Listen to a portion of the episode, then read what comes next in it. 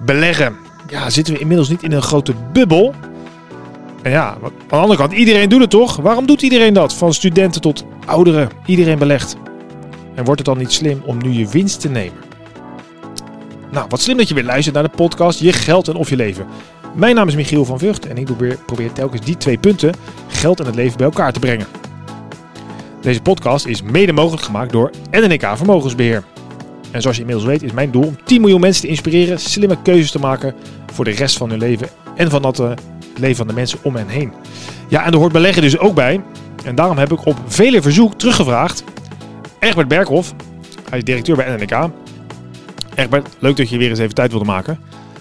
Ja, dankjewel Michiel. Leuk om hier weer te zijn. Ja, ja, want um, nou, ik krijg veel vragen over beleggen. Ik zie dat die aflevering wordt ook heel veel geluisterd. Um, en uh, nou, de bubbel. Um, iedereen belegt tegenwoordig. Dan moet je niet uitstappen. Het zijn mooie vragen, denk ik, om vandaag eens bij stil te staan. Uh, ik uh, las de krant van de week en nou ja, ik las een artikeltje over de overdrachtsbelasting. Die is voor starters nul inmiddels. Maar ja, ze hebben er weinig aan als je huizenprijzen met 15% stijgen. Jaar in, jaar uit. Zitten we niet in allerlei bubbels? hoe zie jij dat?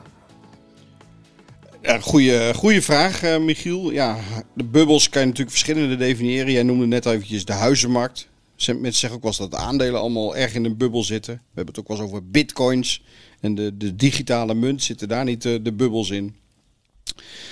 Uh, ja, bubbels zijn eigenlijk van, uh, van, van alle dag. Er zijn altijd wel uh, bubbels. En de vraag is van, ja, is dat dan gevaarlijk? Gaat dit dan een keer ontploffen? Hm, ja. Of ligt er een fundamentele grondslag, uh, grondslag aan, de, uh, aan de grondslag, fundamenten aan de grondslag. Maar is het dan, als er een, nog echt een grondslag is, is, is het eigenlijk niet eens een bubbel, toch? Nou, het kan wel zo ervaren worden. He, ja, dus bijvoorbeeld, okay. er wordt veel over aandelen dan, als we daar eens op inzoomen, dan zeggen ze, nou ja, is het nu niet allemaal wat hoog? En dan wordt een vergelijking gemaakt met misschien toen de internet-hype was in de eind jaren negentig. Toen stonden ook de aandelen hoog en moest iedereen daar iets mee doen. Alleen toen had je echt bedrijven die gewoon geen geld verdienden. Als je ja. dan nu kijkt, er staan de aandelen ook hoog. En ook tech-aandelen staan hoog. Maar als je kijkt naar die tech-aandelen, kijk naar Google of naar Amazon. Ja, die verdienen wel enorm veel geld. Dus het fundament onder die bedrijven is, dat dan is de, wat anders dan toen. Voor de mensen die iets belegd hebben, dat is dat de koers-winstverhouding? Dus dan wordt er nu in één keer wel winst gemaakt. Dan betaal je dus niet te veel voor die aandelen. Is dat wat je zegt? Nou, de, de koers en de winstverhouding, dat zijn inderdaad die twee begrippen waar je het dan over hebt. Van is, er, is de koers hoog maar wordt er ook heel veel winst gemaakt? Kijk, als je een enorme koers-winstverhouding hebt die heel hoog is, omdat er bijvoorbeeld heel weinig winst gemaakt wordt en de koers is heel hoog, dan is die koers-winstverhouding extreem hoog. Ja, dan moet je je wel zorgen gaan maken. Maar op het moment dat er toch nog wel heel veel verdiend wordt, dat drukt natuurlijk de koers-winstverhouding. Ja, ja, precies. Ja. Dus dat, dat, dat geeft eigenlijk een waardering van ja, die koersen zijn wellicht hoog, maar ze zijn ook wel gefundeerd hoog, want er zijn ook toch nog wel goede winsten. Mm.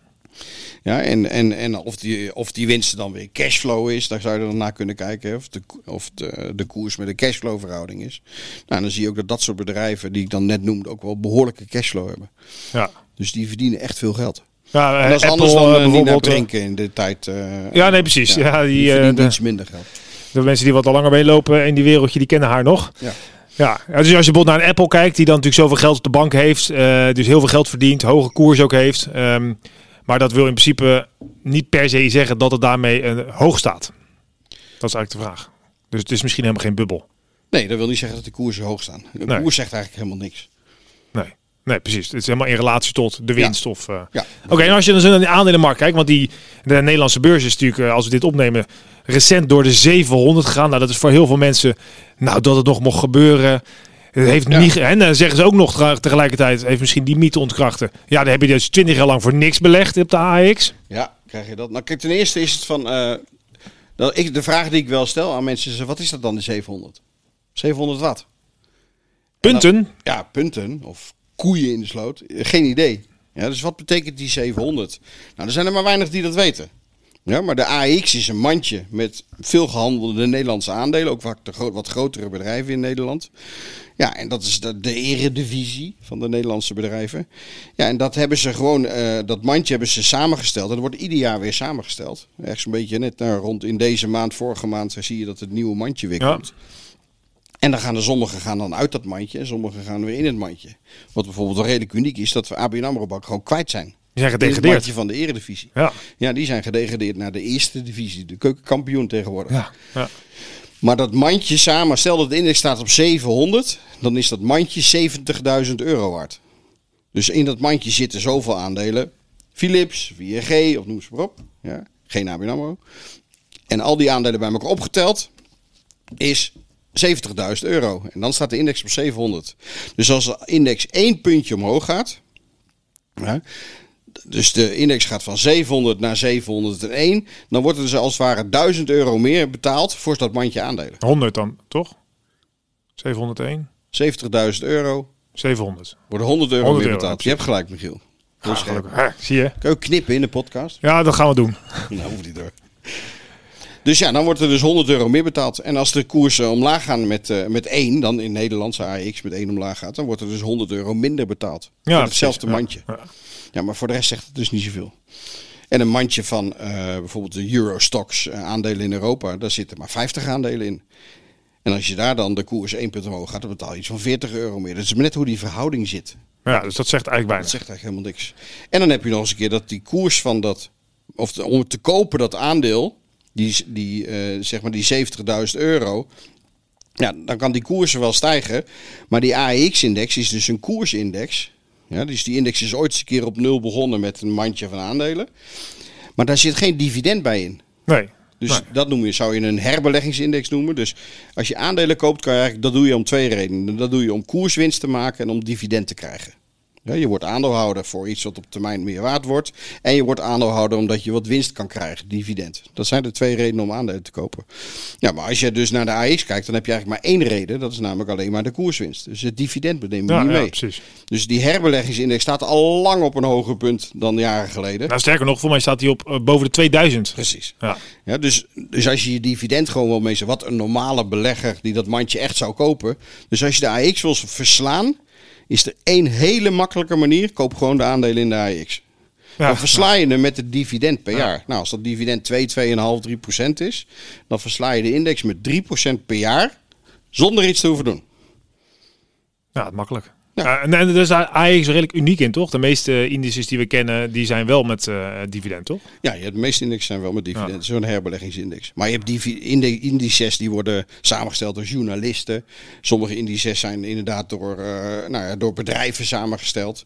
Om, om, om ze na te bootsen als benchmark. Je hebt allerlei verschillende indices. Ja, ja precies. Ja, en de, de AX eigenlijk door Euronext, eh, dus door, door onze beurs zeg maar in Nederland vroeger, de Amsterdam Exchange, opgezet. Nou ja, en dat is gewoon een mandje van de meest verhandelde aandelen met een aantal regeltjes. Ze mogen niet meer dan 10% van het mandje zijn en zo zijn een aantal regeltjes. Ja, ja, ja. Anders zou koninklijke olie, olie te groot zijn. Ja, die hebben natuurlijk enorm belang anders. Ja. Ja, goed. Dus eh, kan je dan zeggen, goed, ga wel door de 700 heen. Dus ze staan hoger dan eh, vorig jaar. Dat is dan natuurlijk een feit. In principe is meer waard. Maar of het hoog is, kun je eigenlijk niet zomaar zeggen. Nee. Het hangt ook van, wordt er veel dividend uitgekeerd, ja of nee? Wat is de winst van een bedrijf die erin zitten? Dus is dat een bubbel dan? Ja. Nou, dus als, of, het, of het een bubbel is, dan moet je dus kijken naar die Nederlandse aandelen. Inderdaad, kijk naar de koers-winstverhouding van die Nederlandse aandelen. Is die koers zo opgelopen dat er in die koers heel veel toekomstvoorspelling zit? Ja. Dus als jij, stel je koopt een, eh, een schoenenwinkel. Wil je gaan kopen. Hè? Dus jij bent eh, ondernemer en je hebt misschien al een schoenenwinkel. En je wil er eentje in het dorp erbij ook, op, ook kopen. Ja, nou, hoe komt dan zo'n koers tot stand van zo'n schoenenwinkel? Hè? Wellicht ga je denken van nou, ik ga eh, vier keer de winst betalen. Voor ja. die schoenenwinkel. Ja, ja, precies. Dus ik wil de cijfers zien van die, van die schoenenwinkel. En dan kijk van, nou, kijk zo in je cijfers. Jij hebt, eh, dus zeg eventjes 250.000 euro winst gemaakt. Ik ga vier keer de winst betalen. Dus ik betaal een miljoen euro voor jouw schoenenwinkel. Dat betekent wel dat als ik vier keer de winst betaal, dan ben ik dus de eerste vier jaar, is, gaat al mijn winst, hè, zeg maar, naar de oude eigenaar nog. Hmm. En dan in jaar vijf begin ik geld te verdienen. Ja. Nou, dus eh, als die koers-winstverhoudingen, eh, eh, als je zoveel keer meer de winst gaat betalen, betekent dus dat mijn feitelijke winst die ik ga maken heel erg in de toekomst komt te liggen. Ja, Of je denkt dat je op korte termijn veel meer winst gaat maken. Of je denkt, ik ga een schaalvoordeel creëren, of inkoopvoordeel creëren, of wat voor voordeel dan ook. Want ik heb al een schoenenwinkel en nu kan ik één keer inkopen. Dus ik kan op twee eh, etalages kan ik mijn schoenen gaan zetten. Nou, allemaal voordelen. En daardoor kan ik niet in vier jaar tijd die miljoen terug Ja. verdienen, maar misschien wel in drie jaar tijd. Ja, dus dat is de, de ondernemerskeuze die er als het ware in zit. Ja, dus als iets een bubbel is, dan zie je eigenlijk dat die, die winsten die pas kan gaan realiseren na het kopen. Nee, je moet eerst natuurlijk gewoon betalen voor wat je ervoor gekocht hebt. Dat ligt zo ver in de toekomst dat het gewoon niet meer realistisch is. Ja, ja, precies. Ja, dus, en dat is dan de, nou, dat moet je dus eigenlijk, dat kun je redelijk beargumenteren, gewoon door naar de feiten te kijken nu. Dat kan je best wel. Daarom zei ik in het begin, van als je ziet dat er nu toch best wel veel geld wordt verdiend. Van hoe ga je de koers van een bedrijf, hè, of de, de koopprijs van een bedrijf definiëren als er eigenlijk nog nooit winst is gemaakt. Ja. Dan wordt het lastig. Maar dat is, als je naar die coins kijkt, hè, dat noemen ze in het begin ook al, dat is interessant, want daar heb je dus wel een koersontwikkeling. Dat is alleen maar vraag en aanbod, want je krijgt per definitie geen dividend of huuropbrengsten of rente of zo. Dus je krijgt nooit een vergoedingenstroom. Nee. Dus dat is eigenlijk de puur, de AX zoals ze hem kennen. Je hebt me, ik word een keer begonnen en dan heb je koers en voor de rest niks. Nee, daar zit geen eh, economische activiteit in. Nee. Als je dat vergelijkt met, we hebben allemaal gevolgd dat Coinbase naar de beurs is gegaan. Dat is eigenlijk meer een handelshuis in, in coins. Ja, die doet iets, die heeft economische activiteit. Die doet iets met allerlei coins. Nou, en daar kan je dus in principe wel eh, weer een winst in verwachten. En kan je dus een koers-winstverhouding gaan creëren. En kan je ook misschien dividend gaan krijgen. Ja, maar de coin aan zich, ja, dat is niks. Je betaalt een prijs en je hoopt dat je in de toekomst iemand kan vinden die bereid is om iets meer te betalen dan dat jij hebt gedaan. Maar dat is dan, eh, zit daar niet te veel meer een bubbelvorming in? Want je kunt sowieso niet beoordelen waar die prijs op gebaseerd is. Want er is helemaal geen, er is niks om het op te ba- te baseren. Behalve dat wat de gekker voor geeft. Of is dat te makkelijk? Nee, nee, dat zou ik zelf ook zeggen. Ja. Ik denk in, de, in Coinbase niet. Dat laten we vandaag laten. Daar zit wel economische Oké, natuurlijk, activiteit. ja, maar in ja. een coin aan zich, daar zit. eh, ja, daar heb je heel grote kans. Dat noemen wij FOMO. In begrippen. Dat is de fear of missing out. Ja, iedereen wil Dus het als hebben. mensen echt gewoon bang om iets te missen. En gaan dan maar meedoen eh, in, de, in de hype. En dat is, dat is wel interessant om te kijken van waar kan je nou een bubbel aan herkennen. Ja, En eh, er zijn wel een aantal eh, in het verleden, hè, de, de bubbels kan je wel toch wel wat, wat, wat gedrag herkennen aan een, aan een bubbel. Dus aan gedrag kan je de bubbel herkennen. Bijvoorbeeld als jij op feestjes wordt er veel over gesproken. ja. Ja? Of als jij eh, op de televisie er veel reclame over ziet. Ja, of op de radio. Of social Of media als je- tegenwoordig. Als je schoonmoeder erover begint. Oh, dan moet je wegwezen hoor, volgens mij. Dan ben je echt al Ja? veel te laat. Dus als je de bubbel wil herkennen, luister vooral naar dat soort signalen. Hè? Dus wie heeft het erover, wie komt erover. En, eh, ja, en dan moet je misschien denken van nou, nou is het misschien die wel eens een beetje oververhit. Er zit er heel veel FOMO, heel veel mensen die gewoon maar bang zijn om iets te missen. Ja, en beginnen die koersen gewoon onrealistisch hoog te zijn. En kan je straks op een bepaald moment niet meer iemand vinden ja, die nog bereid is om meer ervoor te betalen dan dat jij ervoor betaalt. Nou ja, dan is het klaar. Nou, dan ga je mensen krijgen die bereid zijn om minder te betalen dan jij ervoor betaald hebt. En dan ga je geld verliezen. En dan gaat het weer omlaag. En als er heel veel emotie in de markt zit, dus heel veel mensen met FOMO, ja, die, gaan ook, die kunnen ook zich in één keer omdraaien en de andere kant op gaan rennen. Ja, dat is ook nog wel interessant. Want je ziet nu het, het is wel, eh, ik bedoel, ik had eh, weer een hockeytraining, stond op het, eh, op het, op het eh, parkeerplaats nog even na te praten. En dan heb je toch heel veel mensen die zeggen, ja, hoe zit het eigenlijk bij jullie, beleggingen, hoe gaat het? En dat, was- dat is, was een jaar geleden voor corona niet zo. En je merkt nu dat er veel meer gevraagd wordt. Iedereen doet het, bijna als hobby. Ja. Eh, Nee, ik heb zelf een. eh, mijn oudste dochter is eh, uit. eh, die woont niet meer thuis. Die studeert in Amsterdam, woont in Amsterdam. Ja, en daar hoor je het wel. Je hoort van mensen die gewoon de, het leenstelsel gebruiken om maar te gaan beleggen. Ja, Nou, precies. zij natuurlijk niet. Zij heeft de kennis in huis. Maar ja, dat hoor je wel. En, en ja, studenten beginnen te beleggen. En, en of het nou coins zijn of soms ook aandelen. Of sommigen hoor je zelfs wel eens die proberen garageboxen nog ergens wat te kopen. Ja, eh, je afvragen van zit daar die bubbels? Hè? Dat zijn de, de, de, de drie die nu wel wat op spanning liggen. Zitten aandelen nou in een bubbel? Zit de vastgoedmarkt nou in een bubbel? En zit de bitcoin of de andere coins nou in een bubbel? maar ja, De fundamenten van, van, van aandelen denk ik dat je daar wel degelijk eh, op sommige niveaus echt wel over bubbels kan praten. Maar als je de breed gespreide eh, aandelen bekijkt, dan zijn er, worden er ook wel heel veel winsten gemaakt.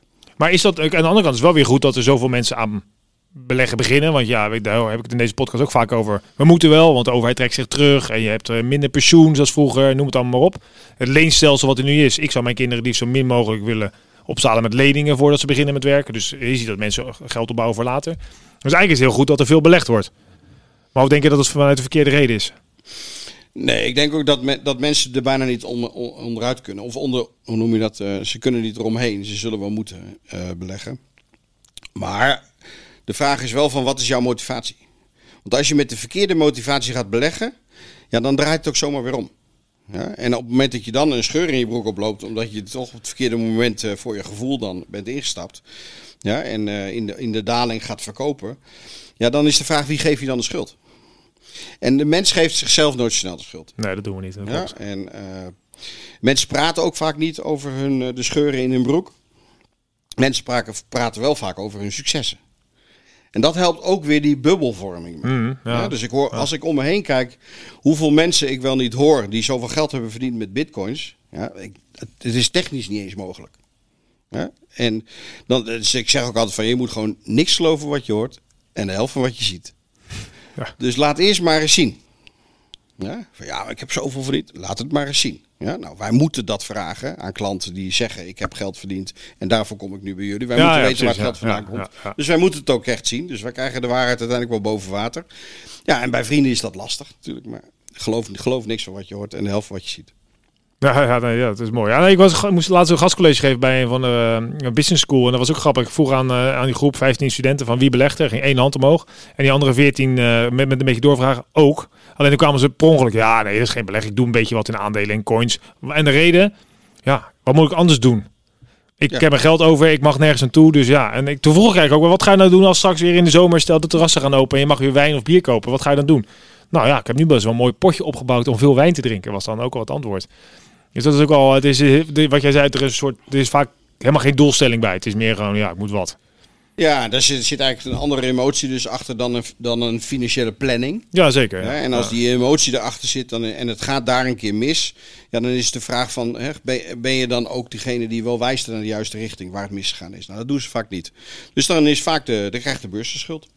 Of dan Precies. krijgt de professie die op die beurs werkt schuld. Dan zijn het ineens allemaal de mensen die het verkeerd hebben gedaan. Het werkt niet. En, eh, Ja, dan werkt het allemaal niet. En, eh, en dan kan je best wel eens krijgen dat je daar misschien wel een hele generatie gaat missen die ook gewoon niet meer in die beurs gaat stappen. Nou, dat merk je natuurlijk wel in de generatie die eh, eind 19, nou ja, begin 2000 begonnen is met name. Ja, die hebben, die, hebben toen, oh, die zijn op de internethype wellicht ingestapt. Nou, in die tijd had je ook nog uh, Woekerpolis-schandalen. Daar waren mensen ook, kwamen erachter dat ze ook aan het beleggen waren. Ja, Ja. en hebben daar eigenlijk gewoon Aandelen nooit lease, gelezen ja. eh, eh, wat ze nou eigenlijk deden. Ze zijn niet kritisch genoeg geweest. En eh, daar zie je dat, ja, dat ze dan niet aan zichzelf gaan wijzen. Terwijl ze dat best hadden moeten mogen doen. Want ze zijn achter een internethype aangerend. Hè, FOMO. Ja. En ze zijn in producten gestapt met mooie beloftes, maar hebben niet goed gelezen. Ja. ja, en dan gaan ze nu wijzen naar de markt en naar de, adviseurs daaromheen. Ja, en wat weinig naar zichzelf. Wat maar niet goed praten hoor, dat, die, dat de markt ook daar zijn verantwoordelijkheid heeft. En ook zeker die adviseurs hun verantwoordelijkheid hebben. Maar de consument heeft ook een verantwoordelijkheid. En die zal die niet zo snel nemen. Nou, en als je naar de typische consument kijkt, dat, die zijn zeker de mensen die, voor, hè, die nu beginnen met beleggen, misschien een groot deel. Die doen het of uit dat ze niks te doen hebben, of dat ze inderdaad een FOMO hebben. Maar hoe zou je het dan anders kunnen doen? Nou ja, ik denk dat het beste is een rationele benadering. Kan dat? Ja, dat kan wel vanuit een planning. Dus jij noemde net al, een- schetste al een aantal sy- systemen waarbij je denkt van systematisch zie je dat een overheid zich wat terugtreedt. En eh, het pensioengevend salaris gaat omlaag. Dus eh, wat heb je voor de oude dag straks? Moeten we nu al wat inkomen gaan creëren voor, voor in de toekomst? Dus daar geld voor beschikbaar stellen. Eh, en zo de studie van je kinderen. Dus je ziet dat er wel meer eh, redenen zijn om wat te doen. Nou, als je dat planmatig gewoon eens op papier zet, wat heb je dan nodig? En daar structureel een, nou ja, een bijdrage aan gaat leveren. En zegt van ik wil gewoon altijd zoveel procent van mijn inkomen gewoon apart zetten voor later. Nou, dan ga je veel meer een rationeel plan. En die, die planning is zoveel belangrijker dan die stap die daarna volgt van waar moet ik het dan instoppen? Ja, Als je daar gewoon in een goed wereldwijd gespreide portefeuille zet wat past hè, bij de beweging, past bij jouw risicoperceptie. Ja, dan, dan, dan, dan ben je zo, op zo'n rationele manier bezig. En dan, ga, dan zie je dat die beurs gaat doen wat die doet. Want er is wel een gezegde dat die beurs, eh, de kapitaalmarkt, die verdeelt de rijkdom. Alleen die verdeelt de rijkdom van de ongeduldige naar de geduldige. En dat is natuurlijk wel pijnlijk voor sommige mensen. Dus diegene die niet profiteert van die, van die, van die kapitaalmarkt, dus niet profiteert van beleggen, ja, die zit eigenlijk kan hij alleen maar naar zichzelf wijzen. Hij, zit eigenlijk, hij is eigenlijk de ongeduldige. Ja, precies. Ja, Want zeker. de, de beurs doet zijn werk wel. Koersen gaan omhoog. Hè? En de dividenden worden uitgekeerd. Ja? De economie groeit in de wereld. Ja? En dat gaat de komende 30, 40, 50, 100 jaar niet veranderen. Ja? Dus als je geld allokeert in die economische activiteit, dan ga je daarvan profiteren. Ja, alleen de beurs verdeelt het van de ongeduldige naar de geduldige. Dus diegene met een scheur in zijn broek zit aan de ongeduldige kant. En diegene die ervan profiteert is de geduldige. En dat heb je zelf in de hand. Wie wil je zijn? Waar ga je staan? Precies. Ja, precies. Maar dat klinkt natuurlijk allemaal hartstikke mooi. En eh, daar heb je ook, eh, dat is ook helemaal waar. En toch is het ontzettend lastig voor mensen om die goede keuzes te maken. Ja, ja dat is lastig. Eh, Geduldig zijn ja, en dat vasthouden is het moeilijkste wat er is. En ook als je er zo naar kijkt, hè, zeg, ja, je zei net, dan moet je een goede portefeuille, die past bij jouw doelstelling. Nou, dat betekent dat je soms niet eens helemaal aan aandelen hoeft te beleggen, bijvoorbeeld. Eh, maar wat ga je dan krijgen? Ja, dan is het rendement toch niet zo spectaculair. Hè? Want dan kan je niet bij een feestje meepraten dat je 20% haalt, maar hij had misschien maar 5. Ja, maar is dat gedachte van een geduldige of een ongeduldige? Nee, ja, dat is de gedachte van de ongeduldige Nou, natuurlijk. dan zijn we er weer. Nee, daar zijn we weer terug bij af. Maar dan, eh, dat is natuurlijk ook nog wel, dat mensen onderschatten het rendement op de eh, lange termijn en overschat nogal op de korte termijn. Absoluut. Maar ja, dus dat is wel, ja, daarom pleiten wij natuurlijk. ehm, Hoe komen ze erachter? Hoe Waar? komen ze erachter dat rendementen tegenvallen? Dat is alleen maar om te kijken naar de anderen. Ja, horen van anderen. Ja, Horen succesverhalen. Ja, Ja, zeker, Dan weer moet zeggen, niks geloven wat je hoort, of wat je ziet. ja precies. Laat het maar zien. Ja. Maar dan toch inderdaad, ja, als je een goed plan van je, bij jezelf maakt. Kijk, als ik naar een, eh, naar een pretpark ga, ga ik ook niet meer in de, in de Python en in de meest extreme eh, dingen. Want dat past gewoon niet bij mij. Ja? Daar heb ik geen interesse in, vind ik niet interessant. Levert mij geen plezier op. Dus ik zoek iets wat bij me past. Nou, met een portefeuille moet je ook zoek de achtbaan die bij je past. Ja. Ja? En als je een heel stabiel achtbaantje hebt, ja, het Donald Duck achtbaantje bij wijze van spreken, waar je met je kleinkinderen in kan zitten, ja, dan moet je niet verwachten dat je torenhoge rendementen haalt. Ja? Maar dan kappel je een beetje voort. Ja. Nou, en dat kan best goed zijn, zeker voor diegene die misschien al het doel redelijk dichtbij heeft staan. Die zegt van, nou, ik moet over zeven jaar, wil ik toch al wel iets, want dan gaan die kinderen van mij studeren. En dat, daar is dit potje voor. Nou, dan moet je ook niet in een wilde achtbaan gaan. Nee, ja, zeker. Ja, maar als je gewoon een eh, jong professional bent en je hebt gezegd van ik ga wat meer voor mijn eigen pensioen zorgen, want ik geloof de, de overheid eh, en, de, en mijn werkgeverspensioen wel, ik ga het zelf doen omdat ik ZZP'er ben of zo. Nou, dan kan je best een wilde achtbaan. Maar dan moet je wel aan denken, ja, kan ik dan wel er tegen als ik daarnaar kijk en ik zie dat het ook eens een keer min 10 of min 20 Ja, je gaat drie keer over de kop, terwijl je het eigenlijk helemaal niet ja, lekker vindt. misschien moet je juist wel eh, gewoon niet naar kijken. Op je handen Ah, ja, dat is eigenlijk het beste. Hè? Ja. Ja. Of wat wij dan wel ervaren is dat eh, het allerbeste werkt om gewoon een, iemand in te huren die, Die- tussen jou en je eerstvolgende fout gaat staan. Precies. Ja. Ja, dat werkt ja. het beste. Ja, dat is natuurlijk, eh, daar hebben we natuurlijk ook heel veel podcasts over. Dat, hoe makkelijk het is om fout te maken. Ik heb mijn verhaal al regelmatig gedeeld. Hoe makkelijk, ook, ook zelf, en dan zit ik in de Ja. beleggingsprofessie, fouten maak. En dat is pennywise pound food. Dus mensen denken van ja, maar dan moet ik daar weer, eh, weet ik veel, 100 euro per uur. Of ik moet daar weer eh, Ja, dat is duur. eh, Ja. eh, 25 baaspunten aan kosten voor maken. Het- levert zoveel meer op. Al mensen die volgens mij na, daar heb ik ook ergens een onderzoek, al mensen die na die beurscrash van het begin 2000 gestopt zijn en die scheur in die broek hebben opgelopen, zijn nooit meer begonnen, want die hebben geen vertrouwen meer. Maar hadden die een adviseur gehad betaald en die had dan zover gekregen om toch te beginnen, die hadden die, ja, het, het, het loopt in de, eh, in, de, in de honderden procenten meer rendement gehad dan ze nu hebben gehad. Nou, reken dat maar eens uit voor je pensioen bijvoorbeeld, wat voor de impact is. Dat is Ja. gigantisch. Ja. Hey, we zijn al richting, eh, een beetje richting een einde aan het gaan, dus eh, nog even terug. Hè. Dus nou, bubbel hangt helemaal vanaf, gaf je aan. Kijk naar de fundamenten. En daar hebben we het over gehad. En waarom iedereen belegt. Maar tijd om winst te nemen, dat is, ligt ook een beetje in wat je net zei. Eh, of hoe doe je dat eigenlijk, winst nemen? Ja, wij, mensen vragen wel eens, heb je een tip? Nou, de gouden tip, eh, misschien wel eerder genoemd in een van je podcasts, is dat die gouden tip is natuurlijk, je moet laag kopen en hoog verkopen. Ja, uiteindelijk zal, die, zal er ook een keer verkocht moeten worden. Ja, Ja, en dan is natuurlijk de vraag van, heb ik dan mijn winst? Ja? Dus heb ik, heb ik op een hoger niveau kunnen kopen, verkopen? Nou, als je maar lang genoeg blijft, zul je die koers wel omhoog gaan en zul je dus wel je winst kunnen maken.